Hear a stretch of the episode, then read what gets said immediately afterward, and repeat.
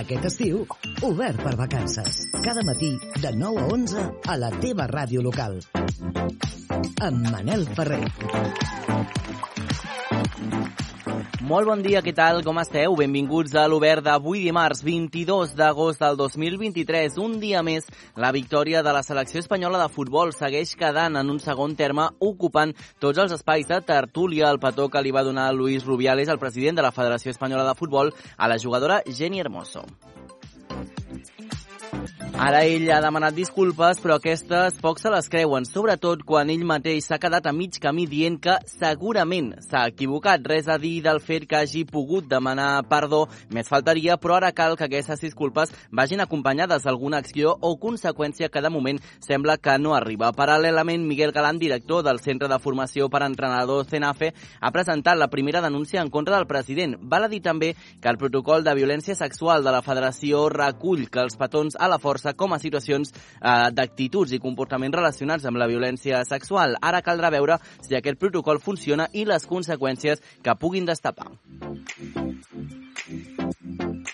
I en un altre ordre de temes, Antonio Díaz, el Mago Pop, ja és l'il·lusionista més jove i el primer europeu a estrenar el seu espectacle a Broadway. Aquest diumenge el seu nom estava escrit en lletres grosses sobre un dels teatres amb més història de Nova York, el Barrymore, construït el 1928 durant un segle, ha vist passar les principals estrelles del món de l'espectacle al rovell de l'ou de Broadway. L'il·lusionista s'ha estrenat amb catifa vermella i, com ho fa sempre, reivindicant-se com a fill d'una família de classe treballadora de Badia del Vallès. En el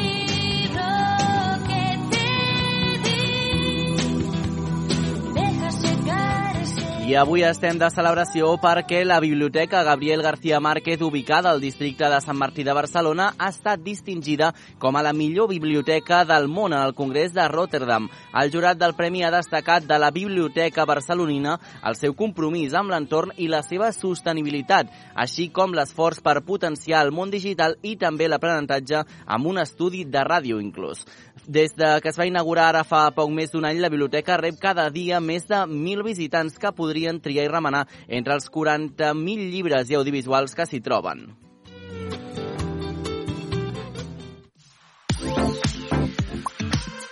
I en el programa d'avui anirem a fer la barema i parlarem amb Pau Albó, president de la DO Empordà. També conversarem amb el periodista Pere Gilar, que ha emprès una nova aventura a Austràlia i tindrem temps per parlar d'aprofitament de productes alimentaris. Com sempre, avui continuarem cercant la nostra cançó de l'estiu. Quina és per tu la cançó de l'estiu? Digue'ns-ho amb una nota de veu al 628 841 055 i podràs guanyar 60 euros per gastar al bon preu esclat.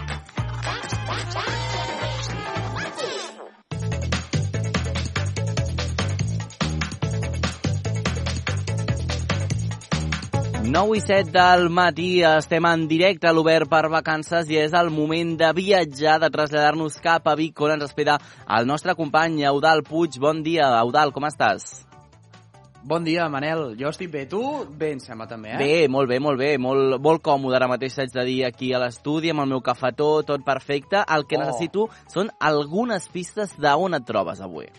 Val, mira, doncs et comento. Avui tornarem a la plaça Major. Ja us en recordeu que un dia hi vam anar a veure i estàvem a dalt del balcó de l'Ajuntament, però és que en aquell lloc que vam dir que en aquell lloc Sí. característic de Vic s'omplia rebentant en alguna ocasió i avui viurem en primera persona com s'omple. I vosaltres, si voleu, Ostres. ens podeu acompanyar. Si em deixes, també et faig una Oh, petita... una altra pista. Val. Farem com la masovera avui. Ah, molt bé. Ja no dic res més. Molt bé, doncs escolta'm, són pistes que més o menys a casa segur que ens estan ubicant. Igualment sortirem de dubte d'aquí uns minuts quan tornem a parlar amb tu. Gràcies, Eudal. Fins aquí una estona. Fins després, vagi bé. Sintonitza Obert per vacances.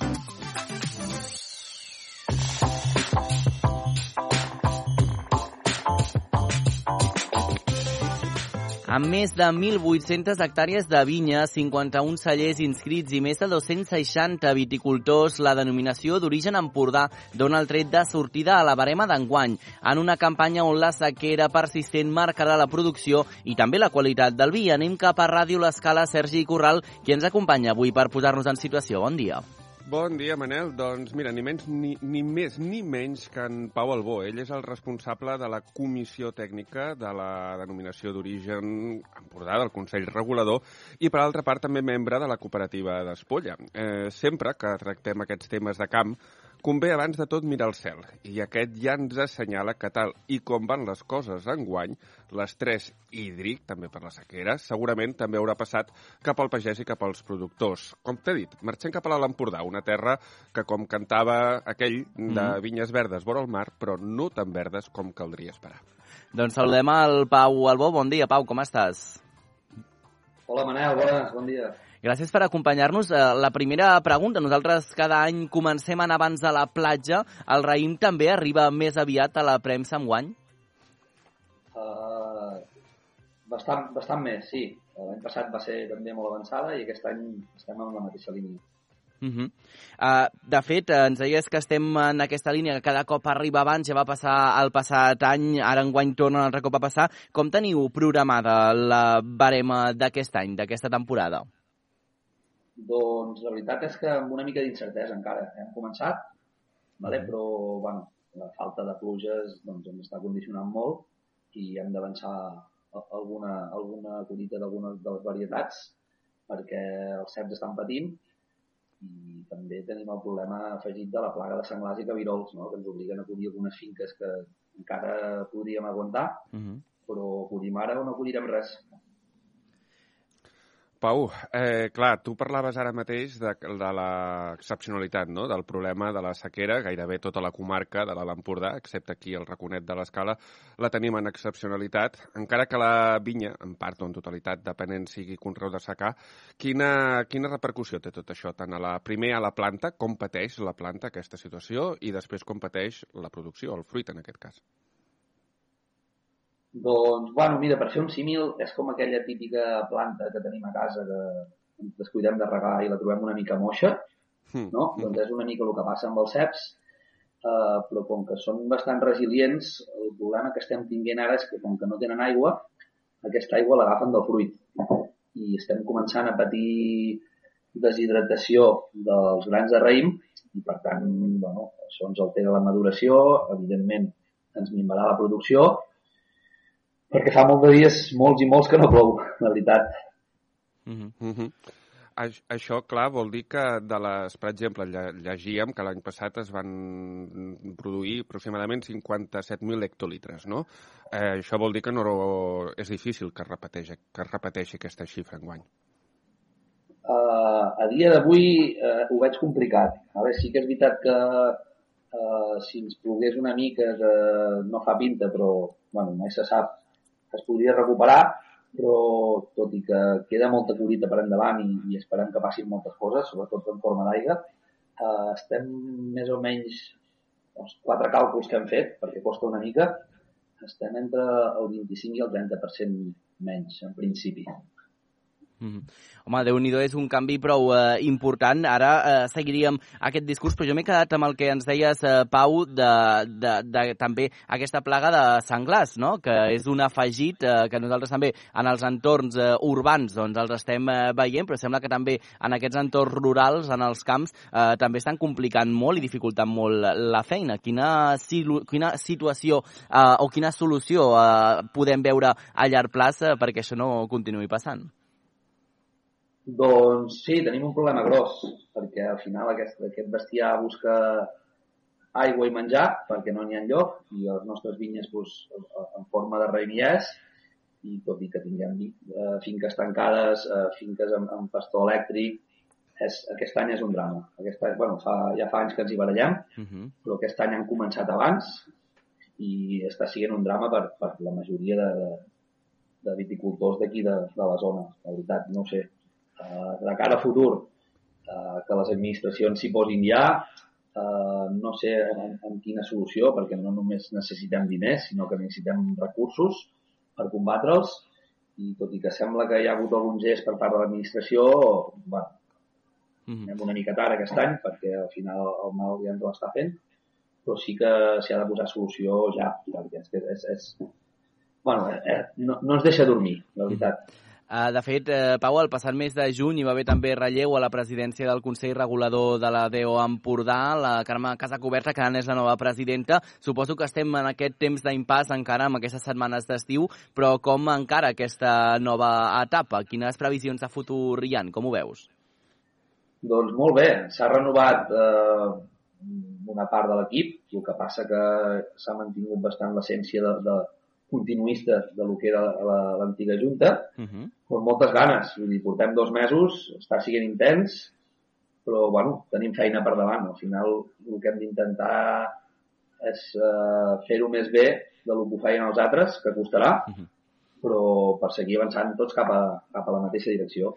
De fet, ens ha sobtat també la rellevància de la DO Empordà al mercat exterior, no? perquè és una quantitat prou important, un 15% de la producció l'envieu més enllà dels eh, Pirineus. Explica'ns una mica cap a on va o com es distribueix. Uh, la veritat és que es- està molt escampat vale? per, Mm. per la majoria de països del món. Uh, depèn molt de cada celler. Hi ha molts cellers que, jo sé, que es focalitzen més a, a països asiàtics, n'hi ha altres que, que cap, a, cap als Estats Units. Però, bueno, la veritat és que encara ho veiem poc un 15 i segurament en aquests propers eh, quatre anys mm, eh, haurem de treballar una mica doncs, per incrementar això, no? per, per, per fer-nos més coneguts a fora, perquè entenem que aquí eh, a les nostres comarques estem bastant estabilitzats i, bueno, a tots ens agrada una mica vendre fora. Pau, eh, canviant una miqueta de tema i tornant al, tornant al terreny, tornant a la vinya, eh, fins i tot hem sentit notícies de que la vinya de l'Alt Empordà, en aquest cas, nota la manca de tramuntana, que és un dels altres factors que tenim els darrers anys. És així? Com, com ho nota? Uh, sí, la veritat és que jo també ho havia llegit algun cop. La veritat és que els períodes de tramuntana ara uh, són més curts, abans eren més dies seguits, i la tramuntana és l'aliat indispensable per, per, el, per al desenvolupament dels nostres fruits, perquè al final és un vent sec que fa que ens treu totes les unitats que tinguem i al final ens ajuda que entrem als raïms al màxim de sants i, i amb la major qualitat possible. No? I el fet de que vagi minvant doncs, bueno, no és una cosa que ens preocupi, però sí que bueno, hi pensem perquè bueno, la veritat és que ens ajuda molt en aquest sentit. I un tema que, evidentment, sí que preocupa, sobretot ara en període estival i de sequera, és el dels incendis, no? El hit, la paraula que surt de cada estiu, o, o el, un dels aspectes importants és el paper de la vinya en la pròpia protecció del territori davant dels incendis. Clar, això en l'Empordà, una zona tan afectada, feia pocs dies, fa pocs, poques setmanes que vam tindre l'incendi a, a Portbou, eh, us afecta molt, no? O, o sou molt conscients d'aquest paper de la vinya? Sí, la veritat és que, que és un efecte rebot, eh? vull dir que no conec ningú que planti vinya pel tema dels incendis. El que passa és que, com que cada vegada aquest ofici s'està tornant una mica més dur, eh, hem de fer una mica de més propaganda de, dels beneficis que hi fa. No? No, a darrere d'una ampolla de vi no només hi ha una vinya i un, i, i uns raïms, sinó que al final és, és el manteniment d'un paisatge no? que tenim i, i que en el cas dels incendis, com, com molt bé han dit els bombers en aquests darrers incendis que hem tingut un parell aquest any, vam tenir una, diria que era, no recordo eh, si era febrer o març, a la zona del Camp de Creus, i aquest que vam tenir a, a Portbou, doncs la veritat és que els hi va servir una mica com a, com a tallafoc, no? Sí que és veritat que eh, no és un tallafoc, diríem, d'aquests típics de, de, de, que hi ha en els boscos, i, i evidentment el fet de que et pari el foc vol dir que hi ha alguns sacs que, que se'ns cremen, però bueno, és una cosa que, que ens agrada reivindicar perquè eh, bueno, aquest paisatge que, que amb els anys va una mica menys, vale? perquè les hectàrees, si us hi fixeu, en els últims anys no és que pugin molt, sinó més aviat s'estabilitzen, però eh, sortim de zones més, més dures de treballar per anar més a la plana, per tant aquestes zones més dures on hi ha aquests incendis i on hi ha aquests boscos amb, amb menys, menys cuidats, per dir-ho així, doncs eh, és un problema. Però, va, De fet, eh, deixa'm aprofitar perquè el Sergi Corral, a part d'estar-me acompanyant en aquesta entrevista, també és eh, meteoròleg, que ho fa molt bé des de Ràdio L'Escala. Sergi, al principi parlàvem també de que cada cop eh, doncs s'avança una mica aquesta barema. Et volia preguntar, també així una mica amb alçada i amb els ulls eh, tapats, però segur que tens els mapes molt presents. Eh, com s'esperen també les previsions, no ho sé, de, de pluja, de qualitat del vent, de l'aire, del sol en els propers eh, mesos? Eh, podrà ser una bona temporada també pel vi? Aviam, en els propers mesos no m'aventuro molt, molt a dir-t'ho, perquè el, els models estacionals han Mhm. punxat bastant per totes bandes. Però sí que et puc dir que aquesta setmana estem en plena onada de calor, hi haurà, o segurament hi haurà un petit canvi de temps, amb algunes pluges, esperem que bé, entre dissabte i diumenge, però entrarà un atractor diumenge i dilluns, que serà la tramuntana. Esperem que faci bondat i que no sigui d'aquestes cremadores típiques d'estiu com la que vam tenir a principis de mes. Doncs esperem, eh? esperem cap a on tira tot plegat, ho anirem eh, seguint eh, a hores d'ara, quan són les 9 i 19, li donem les gràcies al Pau Albó, el responsable de la Comissió Tècnica de la DEO Empordà. Gràcies per formar part avui també d'aquesta conversa i per estar amb nosaltres a l'Obert per Vacances. Uh, gràcies a vosaltres, Manel i Sergi. Que vagi molt bé fins la propera i gràcies, Sergi, fins aquí una estona. A tu, Manel, que vagi molt bé. I és que aquests dies la barema a la zona del Penedès s'intensifica amb l'inici de la campanya de recollida de les varietats autòctones del macabeu, el xarelo i la parellada en una campanya difícil a conseqüència de la sequera que està afectant i molt a la vinya, com ara dèiem. Ens ho explica el Sergi Fernández des de Ràdio Sant Sadurní. Hola, molt bon dia. El Penedès es troba immers en una barema ja batejada per molts com la del patiment. El ja habitual avançament en els darrers anys de la campanya de recollida dels raïms s'hi afegeix enguany la reafirmació d'una sequera per tercer any consecutiu i que en aquest 2023 està sent molt severa l'estiu sense registrar pràcticament cap precipitació. Les collites de les varietats primerenques d'origen francès, com el Chardonnay o el Pinot Noir, es van avançar al darrer terç de juliol, amb un escenari preocupant a banda de l'atenció que han de prestar en el procés de maduració del raïm i de la resposta de les vinyes a l'escassetat d'aigua, els viticultors calculen que la producció es reduirà com a mínim a la meitat, una situació que demandarà revisar l'alça al preu del raïm. Alguns cellers, com Codorniu, ja anunciaven fa uns dies que pagaran fins a un 40% més al quilo per donar suport als viticultors de la zona. Aquests dies han entrat en escena les varietats autòctones, el macabeu, el xarelo i més endavant la parellada, que estan demostrant una millor adaptació a la rigorositat del clima i l'estrès que pateixen els ceps. Una de les dades positives de la campanya actual serà que els vins i escumosos d'aquesta anyada prometen ser excepcionals amb unes vinyes sanes per la baixa humitat sense malalties ni fongs.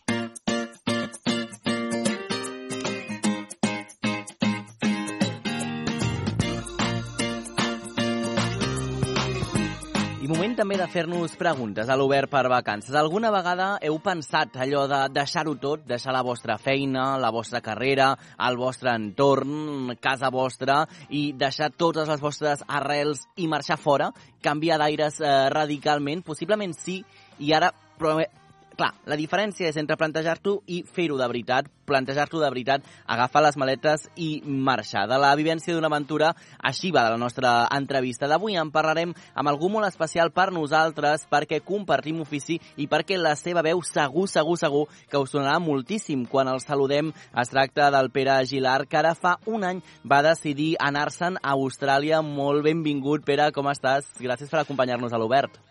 Hola, Manel, què tal? Com esteu? Com esteu tots? Quina il·lusió ser aquí. A nosaltres també ens fa molta il·lusió que ens acompanyis i qui ja tens molt a prop del teu costat és la nostra companya Anna Gasol. Bon dia, Anna, com estàs? Molt bon dia, Manel. També superil·lusionada que hagi el Pere i també molt ben acompanyada per tu, eh? Que bé, escolta'm, és una visita que en teníem moltes ganes. Anna, tu n'ets eh, testimoni d'això que estem dient, eh? que teníem moltes ganes que passis per aquí uns, uns minuts per xerrar amb nosaltres. I tant, perquè a més, escolta, Manel, perquè el Pere és, és, un, és de ràdio, no? Llavors ell ha Mm. canviat el rum ara, però és de ràdio, i a més te'n porto una mostra que si vols l'escoltar, una fer memòria. Els Mossos d'Esquadra investiguen si darrere de l'organització del macrobotellón de la UAB aquest cap de setmana hi ha trames organitzades. Pere Gilart. Una macrotrobada a la qual van assistir Què et 8.000 sembla? persones i que s'ha saldat amb una denúncia per agressió sexual i nombrosos danys materials i desperfectes. Des de la universitat han xifrat els danys en 50.000 euros. Aquest era el Pere aquí fent els butlletins A, com deies tu abans, informant-nos. Totalment. T'haig de dir, Pere, abans de, de començar amb tots els temes, eh, que tens un eh, gran club de fans dins de la No. redacció de l'Obert per Vacances. Inclús eh, amigues... Jo en sóc fan de tota aquesta gent. No, no, inclús amigues que han preguntat en reunions on s'asseu el Pere Gilar, no t'enganyo, l'amiga sóc jo. que bo. Escolta'm, dit això, Pere, tenim moltes ganes de parlar amb tu perquè eh, la primera pregunta de totes, ja saps que el periodisme el portes dins, tu a través de les teves xarxes socials ens Mhm. segueixes eh, informant de tot allò que fas, però no sé si encara tens aquell coquet dins teu de no poder estar fent eh, periodisme com el feies doncs, fa un, un any enrere. No sé si encara trobes a faltar el micròfon. Mm, sí, i tant, i tant. És a dir, jo vaig, no vaig sortir... Que a més, ajudeu-me tampoc d'aquesta professió. A mi m'encanta el periodisme, la ràdio, eh, escriure, llegir, informar-me, però bé, una pausa, he fet una pausa, eh, en la meva en bona mesura segueixo també pendent de l'actualitat, evidentment, però, però sí, tinc clar que vull tornar a aquest, a aquest món que, que m'ha donat tant i del, Del qual, qual, doncs, doncs, hi he hi he estat molt. Pues, Podríem, podríem aprofitar, aprofitar això, això, Pere. Que és notícia a Austràlia ara. Ui, Bé, mira, a Austràlia ara a final d'any, els- al novembre serà més o menys, faran un referèndum. Crec que allí s'ho prenen una mica, sembla que s'ho prenen en sèrio, lo de la democràcia, i faran un referèndum per donar més veu al, al poble aborigen, diguéssim. Allí és un, un 2-3% de la població només, tot i, bueno, fa 300 anys van arribar els primers exploradors anglesos i, i ja només queda un 2-3% de la població que és aborigen, i farà un referèndum per donar més veu, volen crear com una mena d'òrgan uh, que, que estigui directament doncs, uh, uh, doncs vinculat al, a totes les tribus i a tota la comunitat aborigen i han de votar doncs, si volen crear aquest òrgan o, o si no. El govern que hi ha ara, que és una mica més laborista, després de 10 anys de, de liberals, doncs volen protegir, uh, seguir protegint una mica doncs, tot el que és la cultura i la, i la vida doncs, original, diguéssim, de- d'Austràlia, dels, dels primers pobladors. De fet, eh, Pere, ara ho estàvem eh, pensant en aquesta introducció que fèiem de la teva conversa, no? plantejàvem el fet de tenir com unes rutines, eh, viure a casa teva, tenir la teva, la teva feina, la teva estabilitat i de cop i volta deixar-ho tot i marxar. Eh, què va fer o què va mm, fer que canviés en tu alguna cosa perquè diguessis, doncs escolta, tinc aquesta idea i ara no és que tingui la idea, sinó que la portaré a terme. Potser ja aquesta pregunta eh, ja ens, Mm. ens esvella una mica tots aquests clàssics, no? que no ens ho hem plantejat segurament mai, però què va Sí. fer en tu que diguessis, escolta, ara és el moment? és, és el típic tòpic de, de tirar una mica de, de sortir de la zona de confort, mm. no? tant que ho hem escoltat, però al final t'hi trobes i dius, ostres, doncs sí, és veritat i, i necessites una mica canviar el context, a rebre nous inputs, a sortir de la, de la roda aquesta que, que estem ficada sovint, mm. que ja et dic, eh, no és que hi fugís, perquè és una professió que m'ha encantat, eh, el context a mi eh, on visc a Lleida doncs, també m'agrada molt, evidentment, eh, però necessitava doncs, dir, ei, eh, canviem una mica el context, eh, diguéssim que aprenem altres coses i, i coneixem una mica entorn diferent i va ser una mica això, ganes de- d'aventura i de, abans de que sigui massa tard i doncs això, llançar-me una mica a viatjar i a, i a aprendre coses noves. I el context el vas canviar radicalment, eh? Del picat per Mm. Austràlia, no? Sí, per sí. què Austràlia, Pere? Per què, quin, què et va Mira, fer pensar no en sé, va ser... Marxaré un mes, en comptes d'un mes faré tres, aniré a algun lloc així més proper per Europa i tal, i just va coincidir que tornava una amiga d'Austràlia, eh, i, i allò és com quan et vols comprar un cotxe nou, veus el model i no pares de veure-la tot arreu, doncs eh, va ser una mica així, i al final va ser un destí perfecte, és un país amb una qualitat de vida increïble, molt multicultural, amb gent de tot arreu, eh, una economia que just obria portes després del, del Covid, per tant necessitava molta mà d'obra, mm, com a que ja van haver un seguit de, de qüestions que van facilitar i, i van fer molt fàcil doncs, que jo esti, hagués estat aquest any per aquí, doncs, a, per Austràlia, podent treballar fàcilment i viatjant alhora també. Mm -hmm. De fet, l'altre dia, Pere, fèiem un, un espai aquí a l'Obert per Vacances de com preparar la maleta, Mhm. que ens van donar com uns inputs per fer aquesta maleta. Jo, a dia d'avui, encara no tinc clar com fer aquesta maleta encara, tot i que eren molt bons aquells consells, però jo no veig el moment de- d'aplicar-los. Uh, en el teu cas, com es fan les maletes, però no només físicament, sinó també mentalment? És a dir, què t'emportes en un viatge que no saps ben bé tampoc què t'hi trobaràs i també com fas les maletes el fet de, de deixar, doncs això, casa teva, Mhm. els teus amics, la família, encara que sigui eh, momentàniament i amb, i amb un bitllet de tornada, eh? Però com Mhm. et prepares per marxar? sembla que és més important la part mental, però la física mm. també va molt bé per ordenar l'altra, perquè quan, després de viure 4 o 5 anys en una casa, tal, sol, mm. has acumulat una mà de- d'objectes que tampoc no necessites, i el fet només de, mm, diguéssim, netejar-ho tot, donar-ho, regalar-ho, eh, posar-ho tot en caixes, i marxar, i el moment que tu estàs de... que poses un peu a l'avió abans d'aterrar allí i estàs com en terra de ningú, diguéssim, no, ho deixo tot tancat a, a, a darrere meu, però alhora davant tampoc no tinc res, és una sensació de, de llibertat i de tranquil·litat espectacular. Jo ho recomano a tothom, evidentment no tots ho podreu fer, però, mm -hmm. però qui sap.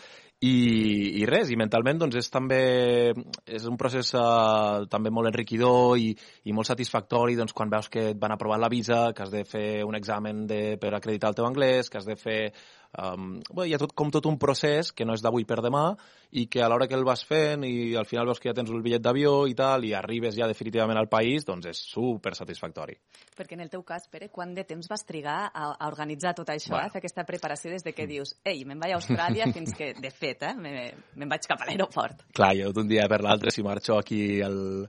Ho vaig decidir cap a començaments d'any, potser febrer, març del, del 22 de l'any passat, i vaig acabar marxant al setembre. O sigui, va ser un procés llarg, estava treballant tant aquí a Emunt, uh, fent els butlletins de la xarxa, ho sabeu, com al Picat també fent tot el projecte local, um, hi havia moltes coses a quadrar i a lligar, i va ser un procés pues, lent, amb moltes ganes, però a poc a poc, no? Em, a mi em pica la curiositat perquè les xarxes socials ens acostumen a funcionar com a font d'informació sovint també. Eh? Mhm. En el teu cas, eh, hi ha influencers que es dediquen a donar consells o, o a no aconsellar de quina manera viatjar i migrar. Mhm. eh, anem a escoltar alguns per posar-nos en context Vale. i després eh, ens dones la teva opinió al respecte, si et sembla. Cuando vengáis aquí a trabajar, solo Está llegar, o si podéis hacerlo incluso antes, porque sabéis dónde os vais a alojar, ya que eso es una de las preguntas para poder hacer el TFN, ¿vale? Solo llegar aquí, hacer el TFN, ¿vale? Que es sí o sí necesario para poder trabajar y que no os pase como a mí, que fui a una entrevista, me cogieron y luego me pidieron todas las cosas y pam, no tenía esto, que es lo más importante, que ahora cualquiera que vea esto que vive aquí dirá, hostia, ¿cómo no es que no lo sabías? Pues gente no lo sabía, por eso mismo hago este vídeo, pues para ayudarte a ti si vienes, que sepas va que necesitas el eh? TFN. No, no, jo ho tenia ¿vale? Y luego tot si quadrat, a tot quadrat. camarero, Potser vaig veure el vídeo necesitas el abans. RSA, que es un examen, ¿vale? Que se ve que aquí todo Dios tiene las respuestas, o sea, yo Carai. mismo las tengo. Quin Llevo nivell un mes viviendo en Australia, yo O sea, que pensé tú que, dramático. hablaba inglés cuando llegué aquí. Mentira, me di un ostión de realidad que dije... Eh... Tu parlaves anglès, què et va semblar, tu? Jo, jo Si també... queréis ir a Australia próximamente a ganar dinero, vivir allí, aprender inglés, etcétera. Tengo muchos amigos allí y quiero deciros con total sinceridad Uy. de que está la cosa muy complicada ahora mismo. Nah. O sea, no hay trabajo, no hay casas, está la cosa muy complicada porque ya han llegado muchos extranjeros, Sí, muchos ¿eh? españoles están allá ahora mismo. Yo cuando llegué fue nada más abrir la frontera hace un año y entonces estaba, tenía todas las casas para mí, todos los trabajos para mí y Ah. yo estuve como un rey. Pero que sepáis que los que vayáis ahí próximamente no es imposible, obviamente, pero vais a tener una partida más complicada Per què no vol que hi anem, Pere, ara aquest home a Clar, Austràlia? clar, jo ja ho entenc, ja ho entenc. Una mica estem amb les mateixes dates, eh? Com tu vas Mm. demanar visat Sí. quan tornaven a obrir fronteres Sí, elles, sí, i ara més o menys, que sí. al tanto, vigilem. Bueno, jo crec eh, aquests falls una mica serveixen per veure que, que no es pot tampoc generalitzar, no? I que l'experiència de cadascú serveix per un mateix i, i ja està. I realment amb xarxes el que, jo crec que el que passa una mica és que mm, és com a les reviews de, de, a Google, no? Vas a un restaurant i la gent acostuma a posar més coses negatives que positives, no? O les positives són una bomba, no? una passada. No? Hi, ha molt, hi ha un intermig d'històries que no s'expliquen, com jo, per exemple, no m'he dedicat tampoc excessivament a, fora del meu cercle a, a explicar doncs, com anat a mi, que per, jo també sóc una, una persona molt, molt contenta, no? potser m'ha anat molt bé per, per la meva actitud i tal, però hi ha moltes històries de gent que els hi va molt bé i tampoc ho expliquen, i clar, i el TikTok, que és la nova xarxa social, si abans eh, tu viatjaves fa, jo crec, 5-10 anys, doncs miraves a YouTube, avui en dia és TikTok, no? És molt més immediat, la gent explica tips, explica consells de, de com, eh, de, de, pues això, de, de com és Austràlia, de, de com fer tots els tràmits, gestions. Bé, doncs tira més el titular i tira més el moment i vídeos més impactants doncs, que poden potser distorsionar una mica la realitat, no? Però, Però bé, és la, la eina que tenim per, per conèixer com funciona Austràlia, en aquest cas. Una mica de prèvia, eh? Mm -hmm. Clar, home, també suposo per donar-li intensitat i contingut, no?, als vídeos d'aquests eh, nois, perquè, clar, si has de fer un vídeo per explicar que no t'ha passat absolutament res, no?, doncs suposo que aquest noi també Clar. li afegeix una mica més eh, paca formatge a, a la història. Però nosaltres tenim... Ara, Totalment. ara mateix ets el nostre referent en, en tot Ui. plegat, perquè aquests tiktokers no els coneixem, a tu sí. Llavors, la pregunta que et fem, jo tinc molta curiositat per saber eh, com va ser els teus primers dies, les teves primeres eh, setmanes. Tu vas marxar a Austràlia sabent, Mhm. no ho sé, on treballaries, on viuries, o t'hi vas anar trobant a mesura que passaven els dies. Com van ser aquells primers dies i setmanes a Austràlia? Sí, clar, no, no, vas aquí, vas allí amb, amb res, diguéssim, perquè eh, en aquest cas la majoria de gent doncs, ja busca la feina o, o diguéssim, la- l'allotjament doncs, un cop estàs allí, que és la manera més fàcil. Primer perquè la diferència horària sembla que sigui poca cosa, però el, el món va diferent. Ara, tot, tot just ara, mira, són les 9 i mitja del matí, allí ja és de capa caiguda, ja es- s'està ponent el sol, la gent ja comença a pensar en anar a dormir i a descansar. Doncs una mica és, és difícil també, doncs, a, diguéssim, coordinar-se no? entre, un, entre Europa, per exemple, i, i Austràlia.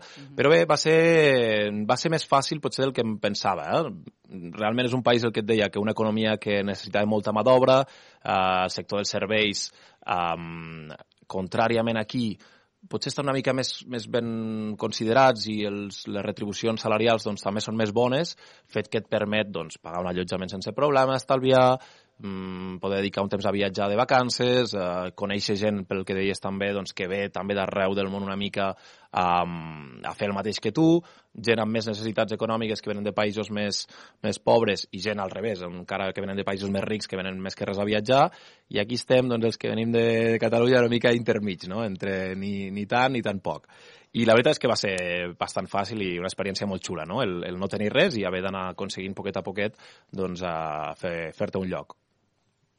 El Pere Manel Sí. abans eh, m'explicava fora de micròfon que una de les coses que més el va cridar l'atenció, o que li ha cridat l'atenció, Mm. ha estat els, sos, els sons que l'han acompanyat, no?, d'animals que aquí no hagués escoltat mai i que, en canvi, allí sí. I llavors m'agradaria fer-te un joc. Estàs atent? A mi? Vinga, va. A tu, a tu. A mi? Val, val. Oh, jo ja ho sé, Val. si no, no valdria. D'acord, és a dir, el, el, en aquest cas el, el Pere pot fer de comodín també, donar-me alguna pista. Sí, Un, serà fàcil, Manel, serà no, fàcil. Jo aquests jocs els fallo tots, per això, o sigui, el Marçal No. CC ja riu, el meu tècnic, perquè sóc un desastre en tot això, però anem a intentar-ho perquè Vinga, sóc va. valent. Anna, va. Vinga, el primer.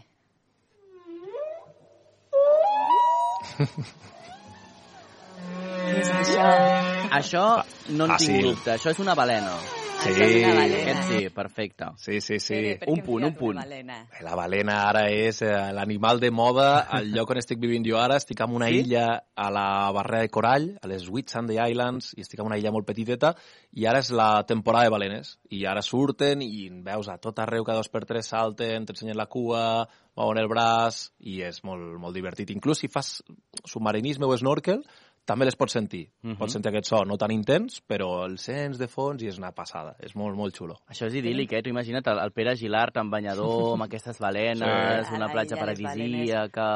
El paradís de qualsevol manera. Es- Escolta, tenim poc temps, però m'agradaria que sentíssim el soroll que l'acompanya a la nit. Una mica de por. És això? Això jo et diria, visquent a Premià de Mar, un, una nena o un nen plorant a les 3 de la matinada, uh, però entenc que no, no, Pere? Serà alguna mica més especial. Sí, no és tan... Uh, sí, fa una mica de por, eh? Fa una mica Sí. de por. És, és una mena de... Bueno, en diuen Cor Corliu, és que la veritat és que tothom ho pronuncia una mica diferent, eh? encara estic allà agafant, agafant aquest accent. I és una mena d'ocell que va caminant pel terra de, de potes llargues i fa un ciroll, fa aquest ciroll precisament abans d'una tormenta. Mhm. Abans de que hagi de ploure molt, fa el ciroll Avisa, aquest. no? Fa com un avís, Avisa, no? exactament. I és Ahà. un animal també molt divertit, que va caminant, es posa per dins del resort, per dins Ah. dels restaurants i per tot arreu, i és bastant, bastant curiós de la zona on estic vivint jo ara, i també té un, un significat eh, pels aborígens bastant, bastant potent, eh, una mica relacionat fins i tot amb la mort per aquest ciroll, i... Bé, és, eh, és, és curiós. I tant. Doncs escolta, tenim un, un par desempat, eh, Anna, perquè una l'ha encertat, l'altra no tenia ni idea. Ui, ui, doncs espera't, Vinga, va. espera't, A veure. espera't. Aviam, el tinc aquí, eh? A mi aquest m'ha sorpresa quan l'he preparat. Ui. Això sembla un ocell més aviat que passava Sí, aquest que s'ha l'altre. colat, eh? era el principi, no? M'espera? El, el principi. Bueno, va. Manel, pista. Pista, Pere. És, és l'animal, Clar. eh, diguéssim, eh, pel qual si diuen Austràlia, el primer animal que et ve al cap. Perfecte, doncs llavors direm un cangur. Jo ho anava a donar gairebé per, per, per Ah, descarte, et diria, eh, el cangur. N'has Sí, vist, Pere, per això sí, de sí. cangurs? I tant, i tant. Està ple també de, de cangurs, no tant a les grans ciutats, Mm. però és com una, com una plaga. És com aquí ara els porcs senglars, que, venga, cròniques de porcs senglars aquí amunt avall. doncs allí és una mica el mateix. Suposo que les ràdios locals d'allí també estan allò, plaga de cangurs, tal, que fem. Mhm. I sí, és un animal molt gran, molt, fins i tot pot ser perillós si t'hi apropes, però és molt bonic, molt entranyable, amb la bossa aquesta de la mare, pots anar dintre les cries i és, és l'animal australià per excel·lència. És la imatge eh, de Ah. l'illa. Doncs escolta'm, ens quedem gairebé sense temps. Pere, torna quan vulguis, eh, a l'Obert per Vacances, que és casa teva. Moltíssimes gràcies, Manel. M'ho he passat molt bé. Enhorabona pel programa i au, a seguir, que acabeu de passar bon estiu. Gràcies, Pere, i Gràcies, gràcies. Anna. Ens escoltem d'aquí uns minutets amb la cançó de l'estiu. Ara hi tornem, fins ara. Fins ara.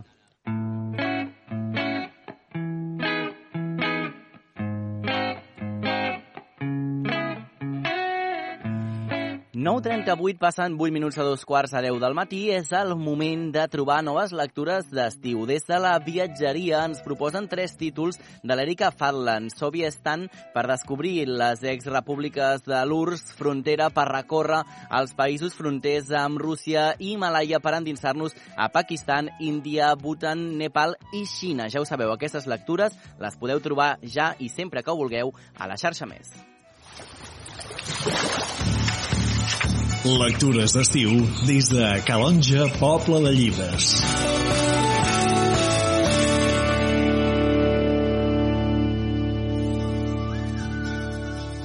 Al desembre de l'any 2021 naixia la primera Booktown de Catalunya, Calonja, Poble de Llibres.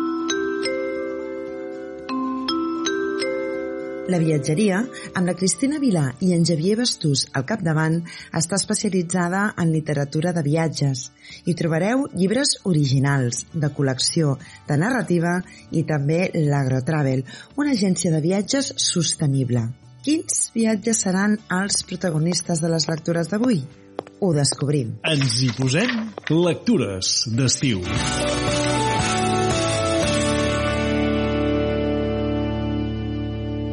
Proposem una autora, que és la Erika Fatland. Ens encanta en aquí en a la, a la viatgeria. Ella és antropòloga, parla vuit idiomes i sobretot el que ens agrada d'ella és que eh, reivindica el paper de la dona en el món del viatge i el fet de poder viatjar sola i que no hi ha cap problema. No? Ella sap transmetre, o sigui, d'alguna manera sap eh, captar les històries de la gent que es troba pel, pels viatges eh, i a més a més la sap traslladar en els, en els seus relats perquè ens arribin al lector. No? I crec que ens agrada molt per això, perquè, per totes les històries que explica uh, mentre uh, fa aquests viatges. El seu primer llibre va ser uh, Sovietistan, el que fa és explicar-nos uh, les com són ara les exrepúbliques de la URSS. O sigui, d'alguna manera, què, què significa per a aquests països ser un ex de la, de la URSS, que havia sigut una, una potència. Són països que desconeixem, tots els Ikistan d'aquests que, no, que a vegades no sabem ni pronunciar els noms, però quins problemes tenien, si segueixen tenint els mateixos problemes o estan, o estan pitjor. Però sobretot s'enfoca amb les persones, no? i això és molt, molt interessant. Escoltem un tast d'aquesta recomanació. Puerta de embarque 504. Debe de ser un error. Aquí todas las puertas son 200 y algo. 206, 211, 242. ¿Me habré equivocado de terminal? ¿O todavía peor, de aeropuerto?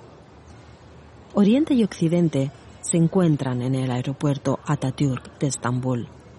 Los viajeros forman una alegre mezcla de peregrinos camino de la Meca, suecos quemados por el sol con bolsas tax-free repletas de vodka, hombres de negocios con trajes estandarizados y jeques árabes vestidos de blanco y acompañados de sus esposas vestidas de negro y cargadas con bolsas de exclusiva ropa europea de diseño. Ninguna otra compañía aérea del mundo viaja a tantos países como Turkish Airlines. Los pasajeros que se dirigen a capitales misteriosas de exótico nombre deben tener presente que por lo general deberán hacer escala aquí. Turkish Airlines vuela a Chisinau, Djibouti, Ouagadougou Usink. y Asjabat, que era mi destino. El següent llibre va ser Frontera i en aquí ens parla dels, de tots el, fa un recorregut per tots els països que fan frontera a Rússia i com és viure a l'ombra d'un gran, d'un gran imperi, no? com, és, com és Rússia, quins problemes tenen, amb què, amb què es troben. Sí, escoltem com sona la seva lectura. El Cabo de Tsniov es el punto más oriental del continente euroasiático. Desde aquí hay más de 8.500 kilómetros hasta Moscú, más de 6.500 a Nueva York y menos de 90 kilómetros al Cabo Príncipe de Gales, en Alaska, al otro lado del estrecho de Bering. Subí al pequeño faro situado sobre un peñasco. Tenía un aspecto extrañamente solitario, allí encumbrado, rodeado de empinadas laderas verdes y rocas escarpadas. Miré al mar gris en lontananza. Aquí, exactamente en este lugar, termina Asia, así como la inmensa Rusia. En la parte anterior del faro, encarada al estrecho, hallé una placa de bronce en recuerdo de Semyon Detsniov.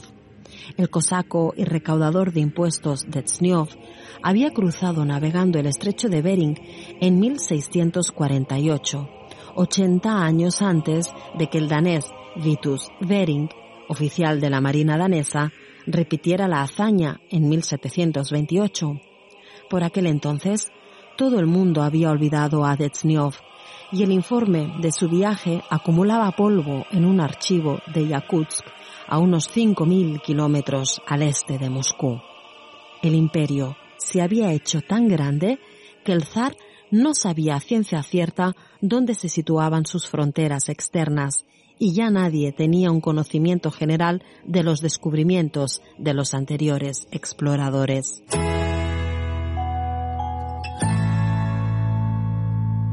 I uh, a les meves mans tinc l'Himalaya, que és el seu últim llibre. És un viatge a través de Pakistan, Índia, Bhutan, Nepal i Xina. Llavors ell el que fa és viatjar a través de les muntanyes de l'Himalaya i aquesta línia imaginària que nosaltres anomenem fronteres en l'Himalaya es queden molt desdibuixades perquè la natura al final acaba decidint no? per on passen aquestes línies i més enllà d'aquesta frontera física, podríem dir, ella parla de les fronteres a través de les religions perquè es pot trobar uh, en una vall es troba les persones que tenen, o sigui, són musulmanes, puja a la muntanya, es troba un temple budista, baixa un altre cop la vall i es troba un temple hinduista. Llavors, aquesta barreja de cultures, de religió, de persones, també del paper de la dona, no? dins de tots aquests, aquests països de, de l'Àsia, doncs, eh, fa que nosaltres ens, ens encanti. Llavors, també avisem, llegir Erika Fala fa moltes ganes d'agafar la maleta i conèixer el món, així que vosaltres mateixos. Així, com sona la seva lectura? De madrugada, la altiplanicie hervía de tibetanos festivos. Ligeros copos de nieve dibujaban piruetas en el aire liviano. En mitad de la planicie se inclinaba un asta dibujando un débil ángulo oblicuo, apoyada en estacas y guarnecida con piel de yak y coloridas banderas de plegaria. Tenía más de 25 metros de largo. Era el asta más alta del Tíbet. Cuerdas largas y robustas atadas al grueso palo yacían en el suelo pulcramente engalanadas, a punto para los tiradores. Dos camiones, que parecían impropiamente aparcados en mitad de los festejos, estaban preparados para ayudar. Miles de personas se habían congregado en el lugar. Muchas de ellas habían viajado durante días cruzando toda la meseta tibetana para llegar a la más sagrada de las montañas en mitad del más sagrado de los meses, el Saga Dawa. Los budistas creen que todo lo que se haga este mes, ya sean buenas o malas acciones, se hacen diez veces más grandes. Y precisamente ese día, el más sagrado de todos, el decimoquinto día del Saga Dawa, el del nacimiento de Buda y el día en que alcanzó el nirvana, todas las acciones se hacen cien veces más grandes. Sovietistan per viatjar a les ex-repúbliques de l'URSS, Frontera per viatjar als països fronterers amb Rússia i Himalaya per endinsar-nos a Pakistan, Índia, Bhutan, Nepal i Xina, tots d'Erika Fatland i publicats per Tusquet Editores, han estat les recomanacions de la Cristina Vilà i en Xavier Bastús. Propera parada, La Fàbrica. Us hi esperem. Lectures d'estiu des de Calonja, Poble de Llibres.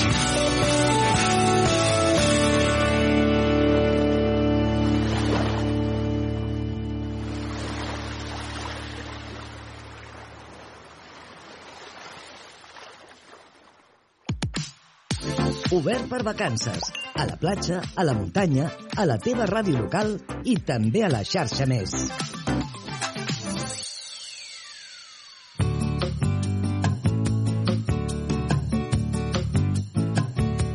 12 minuts per arribar a les 10 al pont vell d'Alfarràs és una petita joia de la baixa edat mitjana que ens porta fins al Segrià en els nostres racons de país. Avui amb l'Anna Gasol visitem aquest raconet a la vora del riu, un esplai, un espai, també dona anar esplai, suposo, plens de vida i de història i amb uns orígens recollits per la literatura popular. Hi ha alguna cosa que l'Anna Gasol no faci bé en aquest programa?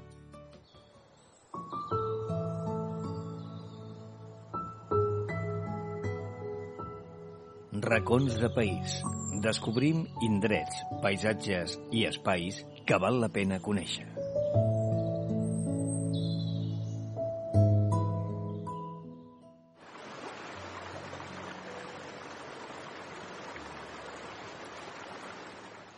Aquest és el so de les aigües del riu Noguera Ribagorsana en el seu pas pel poble d'Alfarràs, un municipi situat a l'extrem nord de la comarca del Segrià, al límit de la Noguera.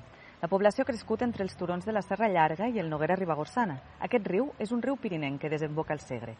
Al seu pas per Alfarràs, al límit del poble, el travessa un pont, el Pont Vell. I és aquí on ens trobem ara amb l'Àlex Paniello, historiador i vicepresident del col·lectiu de patrimoni d'Alfarràs, per descobrir aquest raconet del nostre país. Benvolgut, Àlex, com estàs? Bé. Moltes gràcies per acompanyar-nos en aquesta visita a aquest espai tan interessant perquè hi conflueix història, llegenda i natura. Sí, exactament. Si et sembla, Àlex, podríem començar per situar-nos als orígens del pont, que aquí al Farràs anomeneu vell, en part per oposició amb el de nova construcció que està tot just uns metres i permet el trànsit rodat, o per, per si per la història que té? Bueno, sí, realment sí. Clar, també, bueno, com acabes de dir ara, ens hem d'imaginar el paisatge on estem ara, que no, el pont no, no hi era, no podia passar cotxes com a tal, i bueno, eh, històricament el podem situar al 1453, que és quan se va, quan se va construir, o es diu, bueno, ens diuen que es va construir, i bé, la, el seu origen eh, ve per, amb la intenció de poder, de poder travessar el riu. Llavors, eh, bueno, tal com el veiem ara, pues, evidentment ha estat restaurat i no trobem que estigui amb tota la seva originalitat, però pues, tenim la sort de que encara es manté. Nosaltres aquí al Farràs li diem tant pont vell com pont del riu, vull dir, no és que sigui un, un nom exacte, però sí, podria ser que bueno, tingui relació amb la construcció d'un nou pont. Avui aquest pont està més relegat a l'entreteniment, vull dir, no? forma part d'una ruta, o bé de turisme, o bé d'esplai del veïnat que pot venir aquí a fer rutes o a passejar perquè l'espai eh, realment és bonic. Eh, però en els seus orígens diu servia per poder travessar el riu, és a dir, tenia una funció, una finalitat eminentment pràctica amb tots els ponts. Què unia? Qui venia aquí? Clar, aquest pont, la importància que té, per la gent de Farràs avui en dia sí que, tal com dius, és bueno, més lúdic i, i per venir a passar el temps o per veure vi- vistes boniques. Jo sempre dic que és la joia que tenim aquí al poble. Però en el seu moment va tenir molta importància, ja que era, o sigui, era molt important tant per, la, per Catalunya com per Aragó i a nivell comarcal tant per la Noguera com pel Segrià, perquè connectava les dues zones en temps de guerra, en temps de migracions, en temps que no hi havia, no hi havia una, xarxa, una xarxa de comunicacions amb tanta facilitat, era molt important que hi hagués la construcció d'aquest pont i finalment es va poder aconseguir. Aquests són els, aquests són els orígens històrics, però també hi ha una llegenda que amaga aquest pont. Qui la va construir, segons? Qui va construir el, el pont, segons la llegenda? Segons la llegenda, bueno, sempre s'ha dit que bueno, la llegenda que s'ha contat tant als nens com a la gent gran s'ha dit que, bueno, que hi havia una noia que volia, venia sempre a buscar aigua. Llavors, clar, per poder passar de cantó a cantó de riu havia de pagar un peatge a un barquer. Però ella un dia va venir i va dir que, bueno, va cridar al cel de dir, donaria el que fos perquè hagués un pont i que no hagués de fer aquest camí per aigua. De, bueno, de repente va aparèixer el diable i li va dir, vale, si em dones l'ànima, jo, jo em comprometo a construir el pont en tres dies. Si jo no puc complir aquest pacte, no, la, teva, la teva ànima és teva i no hi haurà, no hi haurà cap pacte. Ella va acceptar i ja el primer dia va avançar molt la feina, veia que el pont pues, començava a agafar forma i, i que podia ser realitat que ho fes en tres dies. El segon dia va veure que quasi, quasi estava acabat i que el diable ho estava aconseguint. I que es va plantejar de, hosti, he, he apostat la, la meva alma, Mhm. la, la meva ànima, i clar, mm, me la, me la en prendrà. Sí, exacte. I, bueno, va idear un pla per evitar això. I la, nit- la nit del segon dia es va presentar aquí baix, de, aquí baix del pont amb un gall i un cantir d'aigua. I li va tirar aigua al gall. Llavors el gall va cantar i el diable es va pensar que ja havia finalitzat el, el tercer dia i que no, hi havia, no havia complit el seu pacte. Va desaparèixer i el pont va quedar mig construït. Llavors la, es diu que la població d'Alfarràs, com que ja estava començat i, i era molt necessari, va decidir acabar-lo entre ells per poder tenir bueno, aquest espai que tenim avui en dia. Per tant, és una altra vegada aquesta llegenda mítica del, del pont del diable, Mm. però aquesta vegada acabat també pels alfarrasins. Exactament. És, sí, sí. És una llegenda que podem trobar molts ponts, però bueno, aquí està modificada i queda millor dir que les vam acabar nosaltres. Em, aquestes pedres, aquestes pedres que veiem, no són les pedres totes, no són les pedres originals. Ha hagut alguna restauració al llarg de la història perquè el pont s'ha vist atacat en algunes ocasions. Sí, bu- bueno, va patir forts atacs, sobretot durant la Guerra de Successió, on van caure de les vuit arcades que tenim originals, n'hi van caure quatre i el pont va acabar, o sigui, era inaccessible. Llavors, el, el curiós que té també és que al 1800 un arquitecte italià, Domenico Baguti, eh, bueno, va participar en la restauració d'aquest pont. Va fer uns plànols i hem pogut trobar eh, uns plànols on, on es veu clarament la seva firma i el projecte de restauració que hi havia. I es va poder restaurar. Eh, es va dur a terme aquesta obra i durant la Guerra Civil Espanyola, per evitar l'abans dels franquistes, van, bueno, els republicans van bombardejar el, el pont.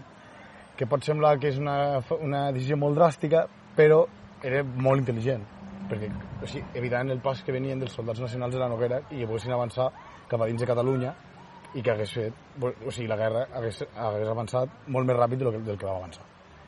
I ja per acabar, bueno, després d'aquesta guerra civil, eh, anys després, eh, al 2004, es va començar un altre projecte de restauració en el qual es va instaurar el pont de ferro que veiem aquí dalt, que, bueno, estèticament no podem dir que, que sigui el més correcte, però va quedar molt bé, i van restaurar les arcades per poder disfrutar d'aquest pont. I ja, el, el més actual, el 2021, es va tornar a restaurar aquestes, aquestes dues arcades on ens trobem ara, perquè, bueno, per algo visual i per algo de, d'arquitectura que, que fos més resistent.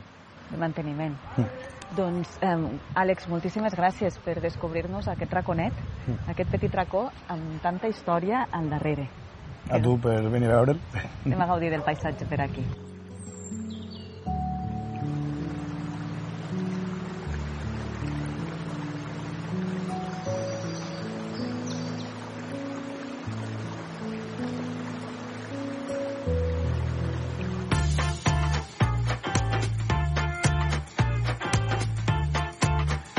9.55, moment de tornar a rebre l'Anna Gasol. Anna, com estàs? Avui hauràs de cobrar doble, crec jo, eh? Avui em sento protagonista, Manel. Home, ens has portat a tot arreu, ens has portat a Austràlia, ens has portat al riu, jo crec que no, no, no podem fer gairebé més a part de trobar la nostra cançó de l'estiu. Exacte, ara és el que ens ocupa, trobar Mm. la cançó de l'estiu. Però escolta, és una cançó de l'estiu especial, perquè tot just acabàvem Sí? que m'ha arribat un missatge. A veure. Hola, sóc el Pere Gilart i la cançó de l'estiu és, per mi, This Year, i és una cançó que em dona molt bon rotllo, molt bones vibracions, de quan he estat treballant a Austràlia tot aquest any, mm. i és una cançó que em va recomanar un amic de les illes de Fiji, que estan tot el dia ballant i tenen un ritme al cos increïble. Espero que us agradi, i aquí la teniu. Home, si l'has escollit tu, Pere, jo no, no coneixia aquesta cançó, Anna, però per mi ja és la guanyadora de l'estiu sencer, és a dir, no, no tinc criteri amb això. Avui exotisme aquí, eh? de Exacte. Doncs escolta, anem a escoltar aquesta cançó. Recordar que vosaltres, des de casa, ens podeu enviar també les vostres propostes musicals al 628 841 055, que van acompanyades d'aquests 60 euros, bon preu, esclar, que podeu guanyar el divendres en el nostre sorteig a la cançó de l'estiu. Anna, fins aquí uns Exacte. minutets. Fins ara.